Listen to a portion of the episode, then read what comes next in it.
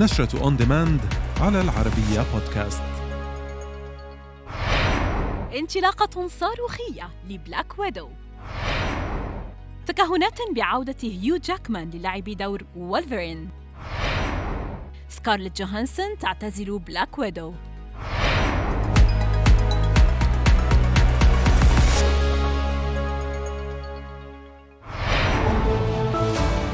حقق فيلم Black Widow من استديوهات مارفل انطلاقة صاروخية على شباك التذاكر في دور العرض بأمريكا الشمالية.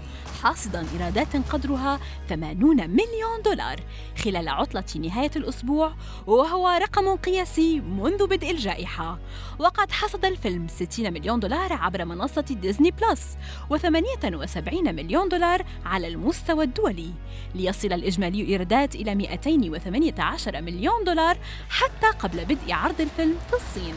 وتدور أحداث الفيلم حول ناتاشا رومانوف المعروفة ببلاك ويدو. حيث يتم الكشف عن مؤامرة خطيرة مرتبطة بماضيها. نشر النجم العالمي هيو جاكمان صورة له مع المنتج كيفن فيجي الذي يعمل بشركة مارفل والتي استحوذت على فيلم إكس مان ما أثار تكهنات عديدة حول عودة النجم العالمي. ليلعب دور وولفرين الذي اشتهر بتقديمه في أفلام إكس مان.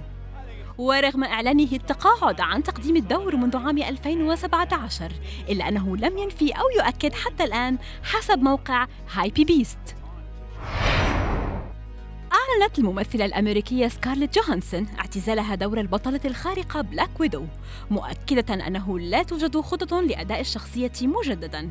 وبحسب موقع فيميل فيرست قالت الممثلة الأمريكية خلال الترويج لفيلم بلاك ويدو أنها تشعر بالرضا التام عن الفيلم والشخصية وأنها قطعت طريقا طويلا في عالم أبطال مارفل وأنه قد حان وقت إغلاق هذه الصفحة إلا أنها ستستمر في العمل مع مارفل في كواليس أعمالها الفنية. حقق الجزء الثاني من فيلم الرسوم المتحركة The Boss Baby Family Business. إيرادات وصلت إلى 36 مليون دولار. وذلك منذ طرحه في الثاني من يوليو الجاري بدور العرض. وكان الجزء الأول قد حقق نجاحا كبيرا حيث وصلت إيرادات الفيلم لأكثر من 300 مليون دولار حسب ما أفاد بوكس أوفيس موجو. أطلقت شركة مترو جولدن ماير العرض الترويجي لفيلم الرسوم المتحركة The Addams Family 2 الذي سيعرض في الأول من أكتوبر المقبل.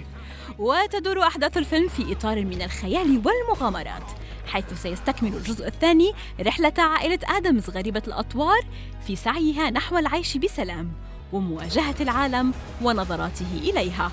الفيلم من بطولة تشارليز ثيرون وكلوي جريس موريتز. That's grand. They hate